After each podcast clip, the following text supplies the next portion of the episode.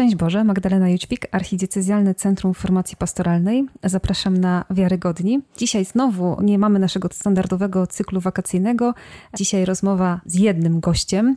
E, jest ze mną ksiądz dr Grzegorz Strzelczyk. Witam cię. Szczęść Boże, kłaniam się nisko. I teraz moglibyśmy wymienić całą listę różnych Twoich działalności, rzeczy, którymi się zajmujesz, z których jesteś znany, ale jesteś tu z powodu tylko jednej z nich czyli z powodu Ośrodka Formacji e, Diakonów Stałych, którego jesteś dyrektorem. Tak to się chyba nazywa, tak. tak. Tak, ja też sobie próbowałam dokładnie przypomnieć tą nazwę i dziś chcemy sobie porozmawiać właśnie o diakonach, o diakonacie stałym ponieważ ciągle jeszcze jest to jakaś egzotyka, ciągle jeszcze się to kojarzy z czymś takim, że czemu u nas jest, a u innych tego nie ma i skąd to się wzięło. I najczęstsze pytanie, które ja osobiście słyszę, kiedy mówię o tym, że w naszej archidiecezji e, są diakoni stali, to jest pytanie, po co są? Ja bym odwrócił w ogóle pytanie, to znaczy pytanie brzmi, dlaczego nie ma? E, okay. Dlaczego długo nie było? Bo, bo e, jeżeli spojrzymy w początki Kościoła, to poczynając od dziejów apostolskich mamy obecność diakonów, nazwijmy ich stałych, po prostu obecność diakonów wszędzie i intensywnie. Czyli jeżeli weźmiemy jakikolwiek kościół lokalny, nie wiem, IV-V wieku, to w nim będą diakoni. Mhm. I to w formie stałej, to znaczy nie tacy, którzy za chwilę będą prezbiterami. Niektórzy być może tak, bo tam się zdarzało, że jakiegoś diakona wyświęcili czasem na prezbitera mm, albo na biskupa i to nawet się zdarzało częściej, bo częstszy w starożytności był przeskok z, z diakona na, na biskupa mhm. niż z diakona na prezbitera nawet.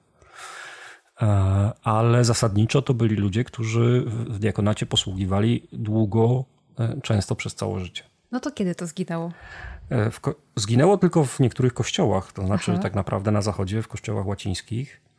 I zginęło na skutek tego, że w pewnym momencie zaczynały się tarcia pomiędzy, godnościowe pomiędzy prezbiterami i diakonami, kto tu jest ważniejszy.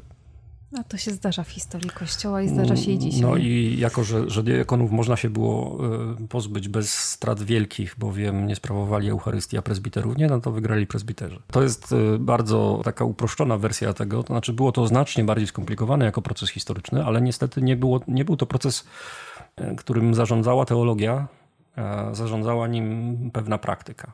I też nie, nie pomogło to, że średniowiecze miało taki silny też wątek kulturowy związany z awansem społecznym. W związku z tym każdy chciał być wyżej. W związku z tym zaczęto te święcenia czy posługi w kościele traktować właśnie nie jako posługi bardziej, tylko jako drabinkę do święceń e, prezbiteratu. I tu się w sumie pojawia kolejne pytanie, które też często słyszę. Czy nie wystarczą właśnie e, diakoni, którzy są właśnie w drabince do święceń prezbiteratu? No tylko, że oni nie, nie wykonują faktycznie posługi diakonów. Mhm, czyli dokładnie czego? To znaczy oni są, on, diakon czasowy tak zwany, to jest, to jest w ogóle dziwactwo. To, no, mhm. no, od tego trzeba zacząć. Tak? To znaczy, bo to jest sytuacja, w której ktoś otrzymuje święcenia i w trakcie y, tego okresu, kiedy te święcenia ma, to zasadniczo przygotowuje się do innych święceń. No tak. Realnie nawet nie bardzo się zastanawiając, kim jest przez ten no, rok. To jest, to jest pewna trudność. Zresztą to też wychodzi potem w, w dyskusjach nad tym, jak ukształtować ten rok e, formacji, kiedy e, kandydaci do prezbiteratu są, są diakonami mhm. I, i bezpośrednio przed. E, no bo taki diakon w zasadzie oczywiście ma funkcje związane ze święceniami i jurysdykcją diakońską, czyli może głosić kazania i tak dalej ale on to przeżywa jako przygotowanie do prezbiteratu. Tak, on już chyba myśli o tych kolejnych święceniach. A czego nie ma? Nie ma diakonii, to znaczy nie ma faktycznej posługi związanej z jednej strony z ubogimi, mhm. no bo raczej jak diakon czasowy trafia na staż przed prezbiteratem, no to proboszcz mu nie powierzy troski o wymiar charytatywny parafii, bowiem on tej parafii kompletnie nie zna. A nawet jeśli pozna, to zaraz po prostu z niej pójdzie. No, nie ma szans w pół roku poznać na tyle, no tak. żeby, żeby móc wziąć odpowiedzialność za pion mhm. charytatywny, więc w ogóle się tego nie, nawet, nie, najczęściej nie dotyka nawet. Jedyne, co się zdarza, to ewentualnie zanoszenie komunii chorym, ale od tego są szafarze, więc często diakon też nie chodzi, no bo nie, nie zna topografii parafii i znowu by się musiał uczyć, i, a poza tym są szafarze. A z kolei jak jest obchód sakramentalny z, z, ze spowiedzią, to diakon nie idzie, no bo nie spowiada. No tak. No tak. Więc to leży. I leży drugi element, czyli e, funkcje pomocniczo-administracyjne. Mhm. Diakoni byli wykorzystywani bardzo często w kościołach lokalnych e, właśnie do funkcji takich typowo pomocniczych, nawet nie duszpasterskich, tylko do logistyki funkcjonowania wspólnot. Oj, no to chyba rzeczywiście by się dzisiaj przydało. No i znowu diakon czasowy nie, nie wejdzie w to w parafii. Mhm. E, I generalnie te rzeczy robią proboszczowie. E, no tak. Często zresztą e, jęcząc pod nawałem zadań administracyjnych. I klasyczny układ był taki, że w diecezjach, no bo raczej mówimy też o czasie, w którym jeszcze parafie dopiero się kształtują w niektórych kościołach mhm. lokalnych. W diecezjach te funkcje skryby i zarządcy bardzo często mieli właśnie diakoni. Czyli odpowiednikami dzisiejszych ekonomów diecezji byli diakoni. Odpowiednikami dyrektorów Caritas byli diakoni. E, sekretarzami biskupów byli diakoni. Mhm. Zresztą dla, dlatego często pierwszy diakon danego kościoła e, zostawał e, biskupem, bo najczęściej był naj, najbliższym współpracownikiem no tak. poprzedniego i najlepiej znał realia. I jeżeli był do tego mądry i, i, i wierzący, no to często wybierano go na biskupa, bo to był najbardziej naturalny wybór merytorycznie. To w starożytności zdarzało się, e, zdarzało się często właśnie, że pierwszy diakon danego kościoła zostawał potem, zostawał potem biskupem następnym. W związku z tym, w momencie, kiedy diakonat stały y, zanikł, to funkcji diakonów nie przejęli diakoni czasowi, tylko prezbiterzy. No to mamy tutaj odpowiedź. I to znaczy, jest, i panuje przekonanie, że prezbiterzy je przejęli. No tak, niektóre to po prostu jakoś. Niektóre musieli przejąć, bo nie mieli wyjścia. Tak, tak. A niektóre e, są po prostu niedociążone. I to, że nam kuleje nieraz wymiar charytatywny mhm. funkcjonowania naszych wspólnot, to jest niestety pochodnia zaniknięcia diakonatu. Dlatego, że zaniknęło w strukturze kościoła coś, co było związane ze święceniami, czy ze szczególną łaską Bożą, i dokładnie z tą posługą, czyli ludzie, którzy, którzy chodzili, wstawali rano ze świadomością, moja tożsamość związana jest z posługą ubogich. Ja sobie tego nie mogę odkładać. Prezbiter, jak budzi się rano, nie ma, nie ma w, w pierwszej warstwie tej tożsamości. Mhm. On ma w pierwszej warstwie świadomość, ja muszę sprawować sakramenty. Tak, zdecydowanie. Mhm. I to chyba odpowiada na pytanie, dlaczego, które też mi chodziło teraz po głowie, jak e, mówiłeś. No to dlaczego po prostu nie wyznaczymy świeckich, tak? Dyrektorów Caritasu na przykład, czy sekretarzy biskupa? No przecież do tego, no właśnie, czy do tego trzeba mieć święcenia? Do, do, do funkcji E, do działania nie trzeba. Natomiast jaka jest idea sakramentu mhm. święceń, bo to jest dość istotne. Oczywiście, że możemy powiedzieć tak, to znaczy inaczej. Kiedy, kiedy patrzymy na, e, na sakrament święceń z perspektywy prezbitera, to oczywiście patrzymy na perspektywę władzy sakramentalnej. Tak. Nie tak mógł, nam się naturalnie to kojarzy. Nie mógł przeistaczać, teraz może przeistaczać. Mhm. Jest widoczna różnica. Ale jak już, jak już popatrzymy na biskupa, to sytuacja się komplikuje, bo właściwie co dochodzi biskupowi w stosunku do tego, co, co prezbiter mógł? No na przykład udzielanie święceń. I to jest jeden z tych elementów, i tu znowu też można by było podyskutować, bo są, były przypadki e, udzielania święceń przez prezbiterów e, za zgodą stolicy apostolskiej, mm -hmm. więc coś jest na rzeczy, że. Że jednak można. Oczywiście nie w obecnym stanie tak, prawa tak, kanonicznego tak, tak, i świadomości Kościoła sakramentalnej, natomiast precedensy były i precedensy w tej sprawie są akurat poważne. Natomiast Bardziej chodzi o to, że ta, ta koncentracja nasza taka, że, że, że tu najważniejszym skutkiem sakramentu święceń jest władza sakramentalna, ona jest związana z tym, że patrzymy przez perspektywę prezbiterów, bo z nimi mamy najczęściej do czynienia. Mhm. Co mówi Sobór Florencki, czyli pierwszy Sobór, który zdefiniował naukę o sakramentach, o sakramencie święceń? Bo on definiuje wszystkie siedem sakramentów i mówi, e, jaka jest łaska poszczególnych tak. sakramentów. O sakramencie święceń mówi jedno zdanie, bo to, jest bardzo krótkie, to są bardzo krótkie teksty, e, prawie że katechizmowe, jak na, jak na wtedy, że powoduje wzrost łaski, aby ktoś mógł się stać zdatnym sługą Chrystusa. No, to jest różnica. Czyli w ogóle jakby tak. Sobór Floreński wychodzi z perspektywy nie prezbiteratu i mhm. e, święceń biskupich, tylko od bazy, czyli od służebności. Mhm służebność jest wyjściowa w tym sakramencie. I ona ma potem trzy różne konfiguracje, ale bazowa służebność jest, mhm. jest w diakonie. Mhm. Teraz jeżeli my zabierzemy diakonów z horyzontu, to nam znika ta bazowa służebność. To jest w ogóle groźne pod tym względem, bo także ci, którzy są na wyższych stopniach, mają dużą łatwość zapom zapominania o tym, o co jest tym bazowym. Mhm. Ale teraz tekst mówi wzrost łaski, aby ktoś mógł. Czyli to nie jest jakby nowa tak, zupełnie tak, tak, tak. E, tak, kategoria łaski. Tylko wzrost czegoś, co już. Coś, co już jest, jest mhm. udzielane. I tu idziemy w stronę e, prawdopodobnie tego, że mamy do czynienia z sytuacją, w której Boże działanie zostaje wzmocnione dla dobra wspólnoty. I mhm. najbardziej to wzmocnienie widać w diakonie, bo tam najmniej widać jakoby różnicę jakościową. Tak? Mhm. Oczywiście, że, że katechizm mówi dzisiaj, że, że różnica pomiędzy kapłaństwem powszechnym a służebnym jest w istocie, a nie w stopniu. Tak mówi katechizm.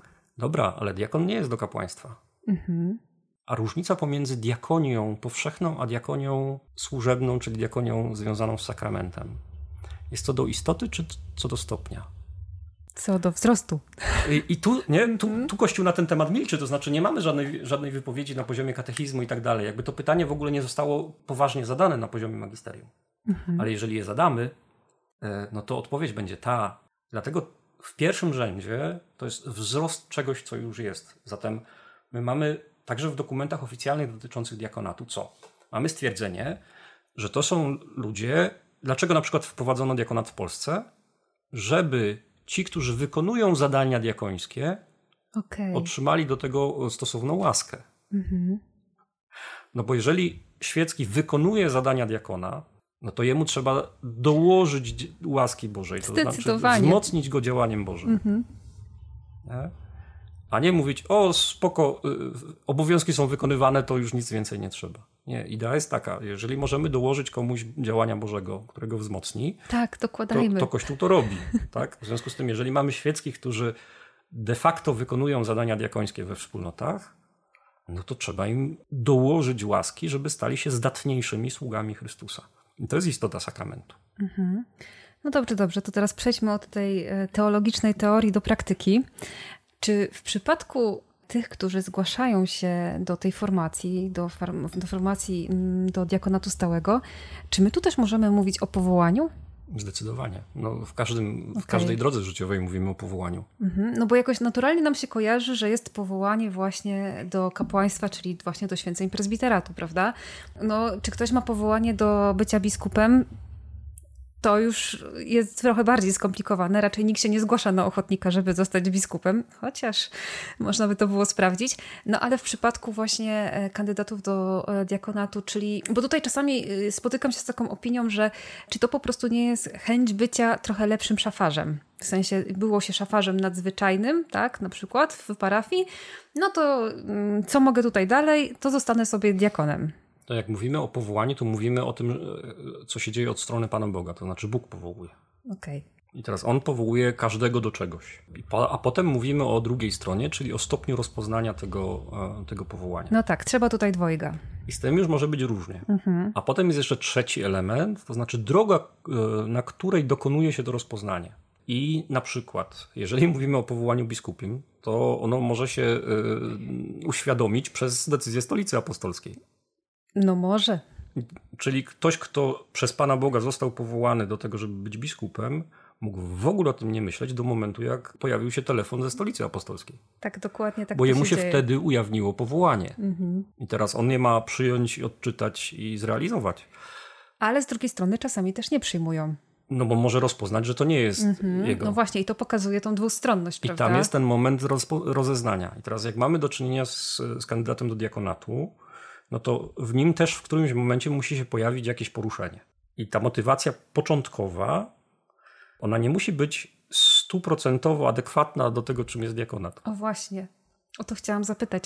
Czy ci, którzy zgłaszają się do formacji, e, przychodzą e, z tą wizją diakonatu, która powinna im towarzyszyć? No bo jeżeli ktoś się zgłasza do seminarium, to mniej więcej wie, jak działa ksiądz. Bardzo mniej więcej. Ale mniej więcej, no ale kojarzy z parafii chociażby. No ale jeżeli nie mamy kandydatów do diakona, znaczy nie mamy diakonów stałych w parafiach, no to skąd oni wiedzą, czego chcą i czy to jest to? No nie wiedzą i to jest fajniejsze okay. formacyjnie, dlatego że bardzo często klerycy przychodzą do seminarium już z ukształtowaną pewną wizją którą trzeba potem prostować, naginać w ogóle. E, I, to, I chyba jest trudniejszy taki proces i to formacyjny. wymaga niezwykle dużego wysiłku nieraz. Natomiast e, e, kandydaci do diakonatu stałego często przychodzą właśnie bez doświadczenia tego, z jakimś przekonaniem wezwania Bożego. Mhm. Albo uświadomieni przez proboszcza, że mogą mieć takie wezwanie, bo na zewnątrz to tak wygląda. Okay. A są, mamy już wyświęconych diakonów stałych, do których przyszedł proboszcz i powiedział: O, Weź że się to tak zastanów. tak wygląda. Okej. Okay. Więc nie, to może być zamiast stolicy apostolskiej może być proboszcz, e, który. To się nazywa ranga proboszcza. I ten proces jest procesem rozeznania, to znaczy proces formacji, czyli przygotowania e, kandydata do przyjęcia e, daru Bożego i do wykonywania posługi, dokonuje się równolegle z procesem rozeznania, czy to jest rzeczywiście wyzwanie Boże. Mhm. No i to jest okres trzech lat z hakiem, minimalnie. Co najmniej dwóch i pół roku do takiego y, momentu, w którym ja jako formator oczekuję już wewnętrznego, ustabilizowanego przekonania, że to jest to.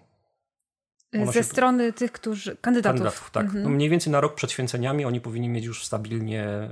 Y, Żeby już wiedzieć, wiedzieć tak. czy chcą, czy nie, czy czują, czy nie Wewnętrzną decyzję, jasność mhm. i tak dalej, i tak dalej.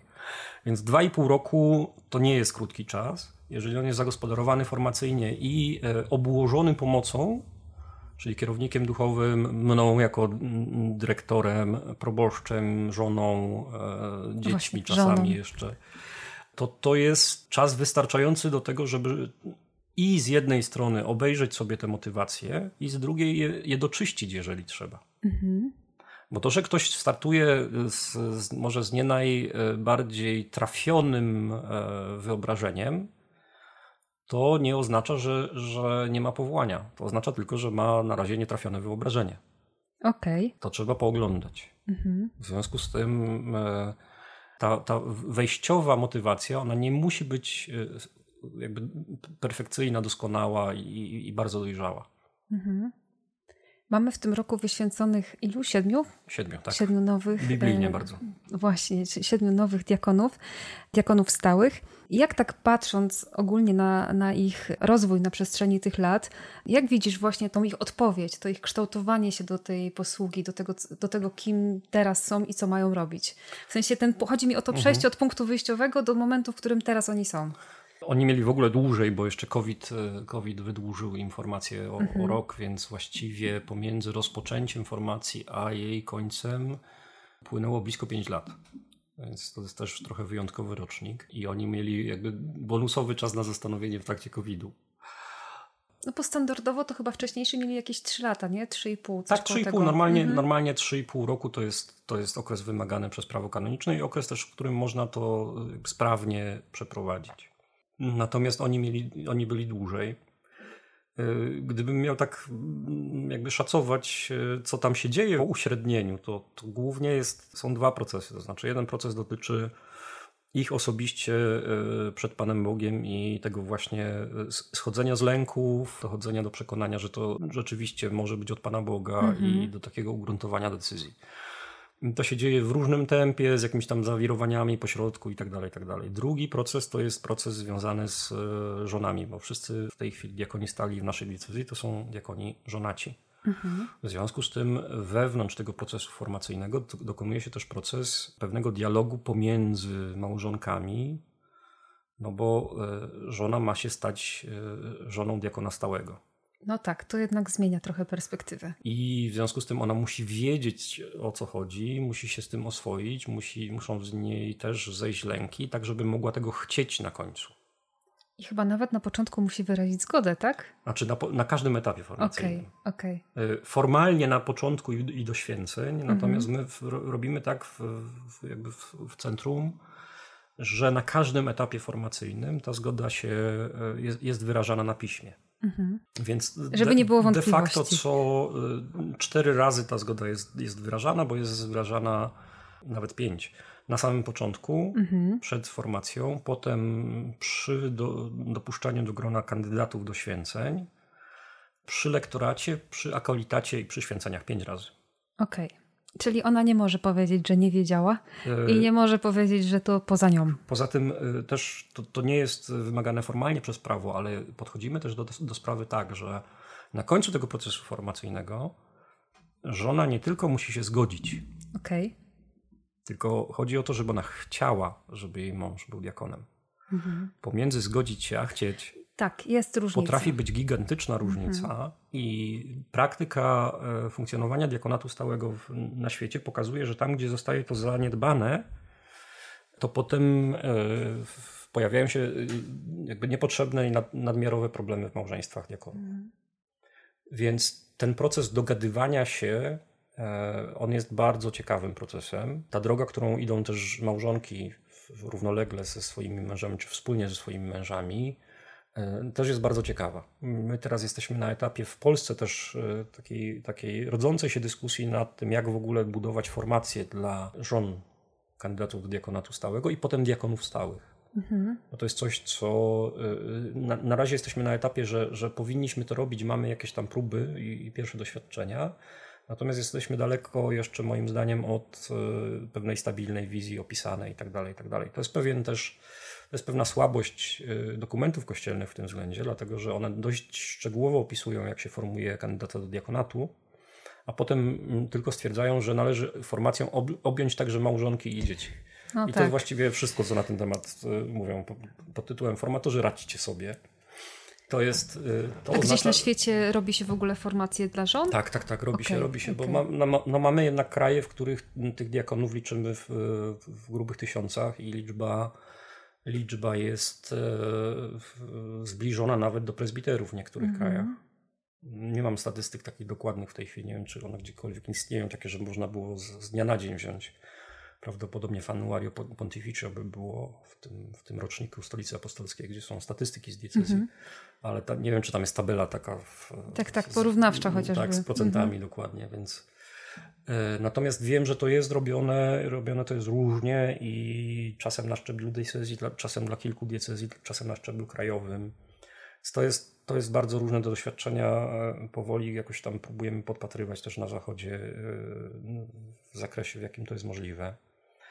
Więc te, te dwie drogi, czyli indywidualna droga kandydata i indywidualna droga żony, a potem się uwspólniają jakoś i mają doprowadzić do tego, że oni w momencie przyjmowania święceń mają pokój w sercu co do tego, że to im nie zrobi krzywdy też jako małżonką. No właśnie i zostańmy może przy tym temacie jeszcze e, małżeństwa i w relacji do diakonatu stałego. No bo dobrze, ładnie to brzmi taki happy end, że żona chce, że mąż chce, że razem zgadzają się na to i wiedzą z czym to się wiąże. No ale jak wiemy, nie wszystkie opowieści kończą się happy endem. A co w przypadku, kiedy no coś poważnego by się zadziało w ich małżeństwie? No nawet możemy sobie wyobrazić hipotetycznie, oczywiście nie życzymy tego żadnemu z naszych diakonów stałych, no ale jakby na przykład się rozstali. To co wtedy z jego posługą i ze święceniami? I z... No, święcenia zostają. Jeżeli, okay. jeżeli e, to rozstanie miał, byłoby zrobione, że tak powiem, lege artis kanonicznie, mhm. No Czyli na przykład coś w stylu separacji, tak? No, oczywiście. Mhm. I nie byłoby tam ewidentnej winy diakona. Okej. Okay. No to nie ma żadnego, żadnych przeszkód, żeby on posługiwał dalej. Mhm. Znaczy w tym, znaczy tak, to rozumiem, że nie ma tutaj żadnych przeszkód, no ale też znamy życie i najczęściej pojawia się argument zgorszenia. No tak, tylko że, że to się dokonuje w tej wspólnocie. Znaczy mhm. oni żyją w tej wspólnocie, w której, w której posługują.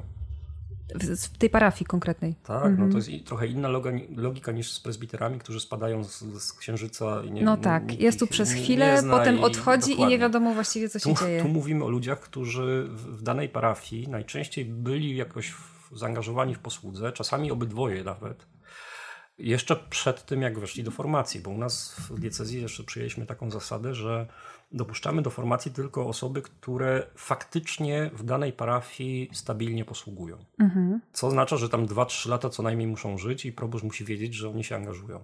A to Czyli znaczy, już muszą że, być że jakieś symptomy w ogóle. Jacyś ludzie ich mhm. znają. Mhm. Tak, tak, tak. Co daje potem e, też dodatkowy element taki formacyjny, że, że no, mnóstwo ludzi ich obserwuje, bo, bo oni no to jest powszechnie, powszechna wiedza, że on się przygotowuje do diakonatu stałego. Jest też świadectwo tych, którzy widzą ich posługę, Dokładnie. ich funkcjonowanie w parafii. Ich Więc wszystkie... jeżeli, jeżeli ten proces mhm. ewentualnych trudności w małżeństwie się dokonuje, no to też on, on też jest jakoś tam jawny. Znaczy ludzie widzą, co się działo. I no teraz, no tak. jeżeli, jeżeli tam rzeczywiście to jest na zasadzie takiej, no, doszli do poziomu, w którym nie potrafią się dogadać, ale zrobili to w sposób e, tak cywilizowany, zadbali o dzieci, e, nie robili sobie krzywdy, a raczej to zrobili właśnie po to, żeby sobie krzywdy nie robić mhm. i tak dalej, no to e, jest też przyjęcie na zewnątrz tego zupełnie inne. Tak? Natomiast no jeżeli by tak. się zdarzyło, nie wiem, że diakon jest przemocowy, no to w tym momencie on nie może być diakonem też we wspólnocie. Okej, okay, a idzie to sprawdzić wcześniej? To znaczy, e, no po to jest formacja, żeby wykluczyć sytuacje patologiczne też. Mhm, no i teraz właśnie pytam o to, o te konkretne narzędzia, które są w formacji, które pomagają wykluczać tego typu rzeczy. E, jest kilka. Pierwszy zasób to jest proboszcz i wspólnota, w której żyje kandydat. Mhm. Ona jest dość poważnie e, pytana o to. I Czasem, czasem się zdarza, że na przykład kandydat ma, ma na tyle trudny charakter, że wspólnota e, na, sam, na samą e, pierwszą informację, że on chce być diakonem, wspólnota mówi hello, ale... Mm, nie chcemy go. Znaczy, nawet nie tyle, że go nie chcemy, tylko nie potrafimy sobie wyobrazić tej sytuacji, bo już jest ciężko. Okej. Okay. Czyli jeszcze, żeby mu nie dokładać. E, no, nie, da, nie dajcie mu władzy, bo okay. E, już jest, tak, już, już, to jest nie do zniesienia. Więc e, to jest pierwszy jakby wymiar. No i proboszcz tak, w tym. Drugi wymiar to jest oczywiście już sama potem formacja i relacje. To znaczy ja bywam w domach, mhm. poznaję dzieci. Bardzo dużo można zobaczyć, jak się jest po prostu u kogoś na kawie.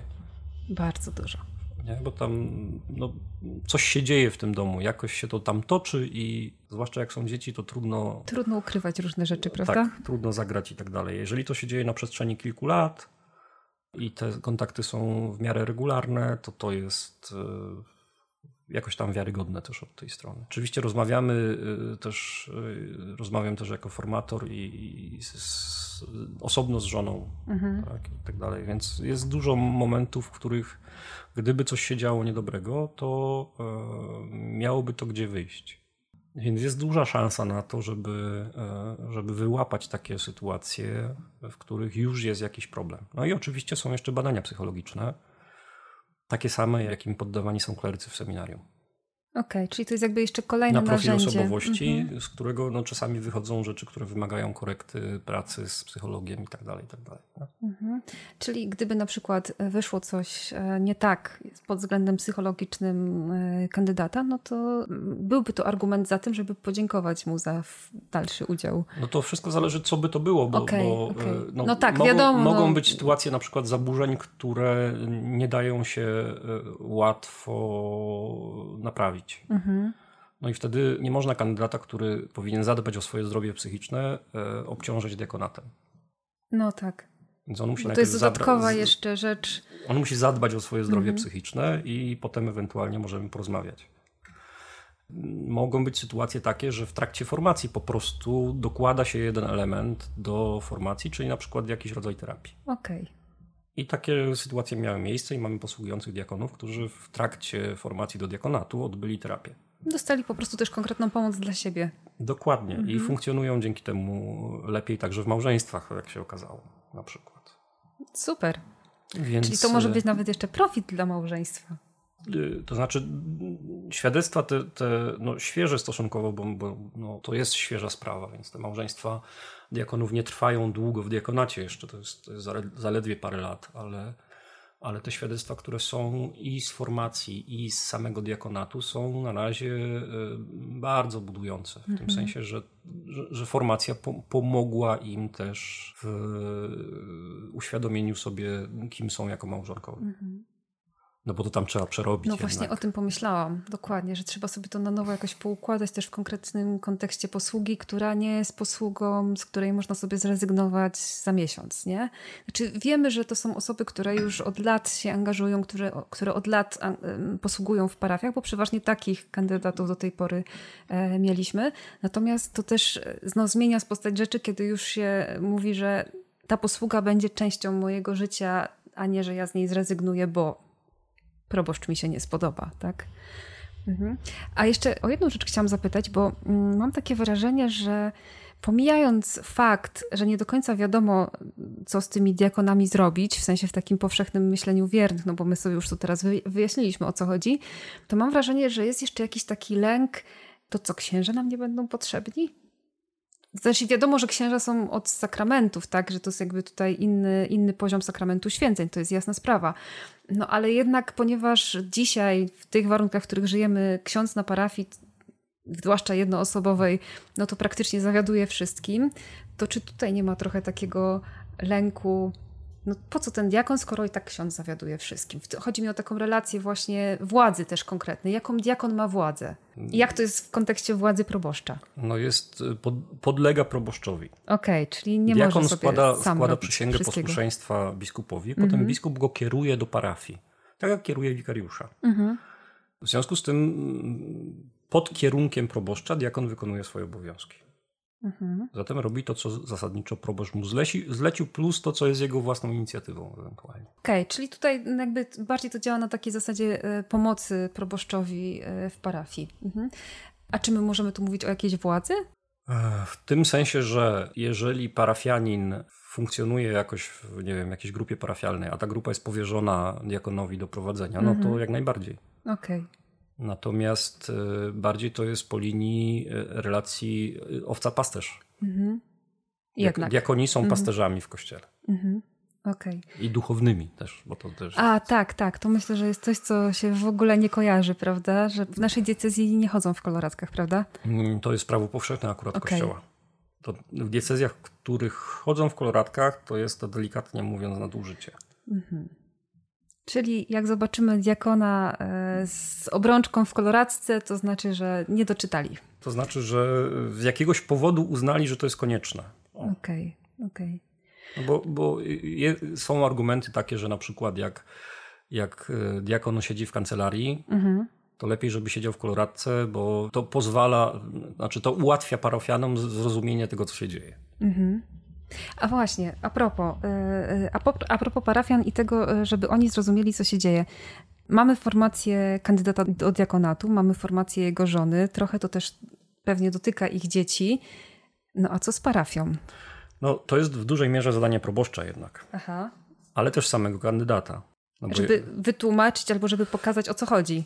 Żeby pomału y, pokazywać, że to nie jest jakiś straszny diabeł, który nam teraz rozwali wspólnotę. Staramy się robić tak, że w parafiach, w których jest kandydat, y, ja głoszę y, kazania mhm. na stosunkowo wczesnym etapie formacji na temat diakonatu stałego i przedstawiam kandydata. Pandemia nam to trochę zdezorganizowała, ale teraz mam nadzieję od września wrócimy do, do tej do praktyki. dobrych praktyk. Mhm. Trzeba nadrobić trochę wstecz, bo, bo jeszcze niestety z rocznika diakonów chyba jedna parafia mi zalega, no i z, tam z, z lektorów cztery. Więc trzeba to zrobić. Natomiast to pomaga wspólnotom uświadomić sobie, że tam się coś dzieje. Mhm. A jeszcze właśnie jedno mi się kojarzy. A co jeśli proboszcz się zmieni i na przykład nie zna kandydata do diakonatu? No to yy, go pozna. Aha, no bo wiesz, można by sobie pomyśleć, no tak, mój poprzednik chciał mieć diakona, ja nie chcę. A to nie jest kwestia chcenia diak diakona czy nie chcenia diakona. Biskup, okay. biskup kieruje diakona do parafii. Dobra, czyli tutaj ten. To nie jest koncert życzeń. Tak? Ja sobie chcę diakona, to będę miał, a jak nie chcę, to nie chcę. No tak, ale życie trochę pokazuje, że różne jest to stanowisko, prawda, proboszczów do mm, diakonatu stałego. Prywatna opinia to jest jedno, a jak przechodzimy do kwestii dekretów, to mamy. No tak, to drugie. mamy kwestię dekretów i właściwie sprawę jasną. Znaczy, mhm. jeszcze jakieś posłuszeństwo w kościele, mam nadzieję, obowiązuje i jakiś rodzaj karności. Mhm. Mieliśmy takich przypadków niemało. Znaczy zmian proboszcza w trakcie formacji. Najbardziej patologiczny przypadek, przepraszam za określenie patologiczny, ale trzech proboszczów w czasie jednej formacji. Ojej, no to faktycznie. I, I który i, wystawiał mamy opinię? Wiek, mamy wszyscy. Aha, okej. Okay. Bo każdy wszyscy. go przez chwilę widział. Każdy go mhm. przez, przez jakiś czas znał. I e, przed samymi święceniami pytałem co najmniej o ustną opinię każdego z tych proboszczów. Mhm. Teraz byliś wśród tych, którzy byli święceni teraz, zmiany w trakcie były raz, dwa, trzech przypadkach na siedmiu, więc to nie jest no, w ogóle rzadkie. Tak, tak, to całkiem sporo. I po prostu tu też poprzedni proboszczowie byli w tej kwestii pytani. To też jest pytanie, w którym momencie się zmienia, nie? bo jeżeli to jest na przykład po roku formacji, mhm. No to ten następny jest przez dwa i pół roku, no to on już ma szansę tak, poznać, tak, tak, więc tak. już nie ma sensu za bardzo pytać poprzedniego, mhm. no bo on z kolei przez dwa i pół roku nie widział kandydata. No tak. Ale mamy jego opinię z wcześniejszych etapów. Nie?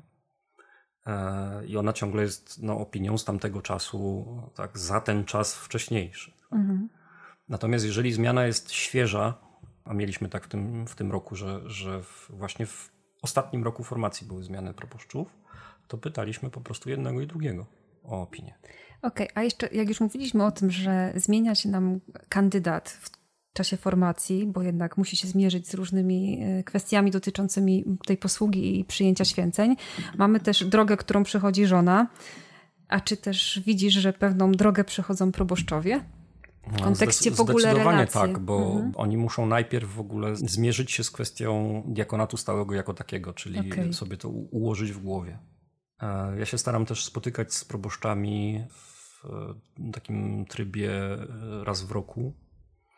Mm, znowu pandemia trochę tym, mhm. tym zachwiała, ale od września wrócimy, mam nadzieję, do, do normalnego rytmu. E, żeby oni mieli, mogli też trochę porozmawiać między sobą przy okazji o tym, ale to jest kwestia w dużej mierze ustawienia głowy, to znaczy wiedzy. Mm, większość księży, którzy w tej chwili są na poziomie proboszczów, była uformowana, kiedy jeszcze diakonat w Polsce nie był wprowadzony. Mhm. To, czyli w ogóle nie 2005 mają tej, rok. Czyli nie mają tej perspektywy w ogóle. Nie mają tej perspektywy w ogóle mhm. E, w głowie, więc dopiero muszą jakby to sobie... Ani tym bardziej potem w praktyce parafii. Dokładnie. Mhm. Muszą to sobie zbudować a reszta to jest improwizacja w dużej mierze. Mhm. oczywiście pewną trudnością jest inny sposób funkcjonowania diakona stałego w stosunku do wikarego, no bo model, który no mają, tak. to, jest, to jest wikary. Wikarem, wikaremu zlecam obowiązki i jeżeli on się nie zbuntuje jakoś tam dramatycznie, bo został już obłożony po sufit, już nie, nie wyrabia, no to raczej po prostu przyjmuje, wykonuje i kropka. No bo wie, że jest wikarym. E, diakon stały jest wolontariuszem w parafii. No tak, to zmienia podstać rzeczy. W związku z tym on przyjmuje zadania proboszcza w zakresie, w jakim jest w stanie to ogarnąć wolontariacko. Tak, myślę, że to słowo wolontariat tutaj musi zabrzmieć. I oczywiście to pociąga za sobą co? Że trzeba to uzgodnić z żoną. Tak. Więc proboszcz, to co jest myślę jednym z, jedną z poważniejszych rzeczy, musi sobie uświadomić, że ma do czynienia z zupełnie innym modelem współpracy niż z wikarem. Mhm. I my, my, my, staramy się to formować za pomocą takiego prostego patentu, na który wpadliśmy parę lat temu, e, rozmawiając właśnie, w, jak, jak to powinno wyglądać z kandydatami, że e, jednym z pier, jedną z pierwszych rzeczy, którą, której się dowiadują kandydaci, jest to, że odtąd, jak proboszcz o cokolwiek będzie prosić w parafii, to nie wolno im się natychmiast zgadzać. Mhm. Tylko mają powiedzieć: OK, porozmawiam z żoną, z żoną, i dam znać, czy jestem w stanie się w to zaangażować. I to jest świetny patent, się okazuje. Dlatego, że on y, zdejmuje pewne ciężary. Tak, tak. E, sprawia, że żona nie, nie, nie doświadcza wykluczenia. Faktów dokonanych. Dokładnie. Mhm. Co więcej, były przypadki, że żony się powoływały oczywiście na to stanowisko, bo, bo mąż się zgodził bez tam, nie? wracaj teraz i odkręcaj, tak? No, ostro. E, no bo to jest rzeczywiście rzecz stabilizująca po stronie e, żon, bo one dzięki temu wiedzą, że mają nie być pomijane. Jeżeli, jeżeli zostaną pominięte, to mają się dopominać o to. Mhm. Z kolei proboszcz, kiedy to słyszy raz, drugi, trzeci, piąty, siódmy, to on z czasem się do tego przyzwyczai. Na początku mu to będzie e, trochę ościeniem stało. No tak, bo to jednak mówi coś, a ktoś tego nie robi. Mhm. E, ale z czasem to się staje jakby naturalnym doświadczeniem. I też pomaga w, we współpracy ze świeckimi. Z uwzględnieniem też ich bo zaczyna, możliwości. Tak, bo zaczyna mhm. potem proboszcz, który musi się zmierzyć z, takim, z takimi dialogami z, diakona, z diakonem on, on sobie buduje tą świadomość, że tam jest w ogóle jakaś rodzina. Praca zawodowa. I to trzeba i brać rzeczy. pod uwagę, kiedy się zleca. Mhm, zdecydowanie. A, więc to jest od tej strony, od tej strony fajne. Na razie wydaje mi się, że te, że te współprace, się, współprace się jakoś układają całkiem fajnie. Zobaczymy, bo to, to trzeba lat. tak naprawdę, żeby zobaczyć, jakie mogą być trudności i jakie będą dynamiki tego. No a teraz tak z perspektywy tych kilku lat widzisz, że coś trzeba by było w formacji zmienić, albo dodać, albo odjąć? Czy jeszcze na razie nie masz takiego Na oglądu? pewno mm, dodać trzeba ścieżkę, wyraźniejszą ścieżkę dla żon. Mhm. I na etapie formacji przygotowującej do, i na etapie potem już posługi, mhm. choćby w formie grupy dzielenia. Okay. I to nawet tam co, co 2-3 miesiące, bo to nie musi być jakoś szczególnie intensywne. Bo dodajmy, że nie tylko diakoni mają swoje posługi, żony też często są zaangażowane w różne rzeczy. Dokładnie. Więc to są ludzie, którzy no, generalnie są zajęci, tak mają mm. jeszcze jakieś dzieci nieraz na, na wychowaniu i tak dalej, więc y, nie chodzi o to, żeby ich zarzucić rzeczami ale tam jest wyraźna potrzeba rozmowy i takiego dzielenia się i. I, I takiego w gronie po prostu żon. Tak, mhm. tak, tak, tak. No dobrze, powiedziałeś, że e, Kościół to nie jest koncert życzeń, ale na naszym podcaście możemy sobie na to pozwolić. Jakie ty byś miał życzenie w kontekście e, formacji kandydatów do diakonatu i w ogóle przyszłości diakonatu w naszej diecezji? To są życzenia księdza Strzelczyka. No, Uwaga. No, no Duch Święty, żeby powoływał, to ja, ja nic więcej nie chcę, nie? Okej. Okay. Powoływał bez ograniczeń. No tak jak chce, nie? Mhm. Wedle tam tego, co jest dobre dla naszej diecezji. Mhm. No, a potem oczywiście są takie marzenia logistyczne, nie? To znaczy przydałoby się e, większe zaangażowanie ze strony zarządu diecezji w ten kierunek rozwoju diecezji, powiem mhm. tak. Bo na razie mamy takie e, uważne przyglądanie się z e, łagodnym błogosławieństwem no to i tak nie jest taki zły kierunek, ale no, chcielibyśmy, jak znaczy, mówimy o życzeniach, to mówimy ja bym, o wersji ja bym, maksymalnej. Ja bym się spodziewał silnego pchnięcia i okay. wtedy, wtedy też y, być może łatwiej by było tym, którzy rzeczywiście gdzieś tam słyszą ten głos y, wewnętrznie, się z nim mierzyć na serio. Mhm. Bo to też trochę zależy jednak od y, instytucjonalnych uwarunkowań przyjęcia powołania. No tak, no tak. Dobrze, mam nadzieję, że ci, którzy nas słuchają i może też zastanawiają się nad tym, czy właśnie mają to powołanie do diakonatu stałego, mam nadzieję, że trochę rozjaśniliśmy i, i, być może też zachęciliśmy do tego, żeby jednak sprawdzić to. Sprawdzić nigdy nie zawadzi, najwyżej się okaże, że nie. E, natomiast wydaje mi się, że też ważne jest to, byśmy wychodzili trochę tak z lęku tak, przed rzeczami, które mm, może nie są w naszej codzienności parafialnej, ale to właśnie okazuje się, że może być jakąś szansą do rozwoju, może być jakąś szansą po prostu dla naszego kościoła, dla naszej parafii. A my chyba trochę tak mamy wszyscy z natury, nie? że wolimy się bronić przed tym, czego nie znamy, uważać, że a po co to, a my sobie radzimy, wszystko jest w porządku, prawda? Natomiast chyba ten moment, w którym jesteśmy jako kościół, też nam pokazuje, że może warto korzystać z tego, co jest, co było, bo czasy też wymagają od nas e, wiele, prawda? Wiele różnych e, nowych inicjatyw i nowego mm, podejścia. Dzisiaj moim gościem był ksiądz dr Grzegorz Strzelczyk, dyrektor Ośrodka Formacji Diakonów Stałych. Dziękuję za rozmowę. Dziękuję bardzo.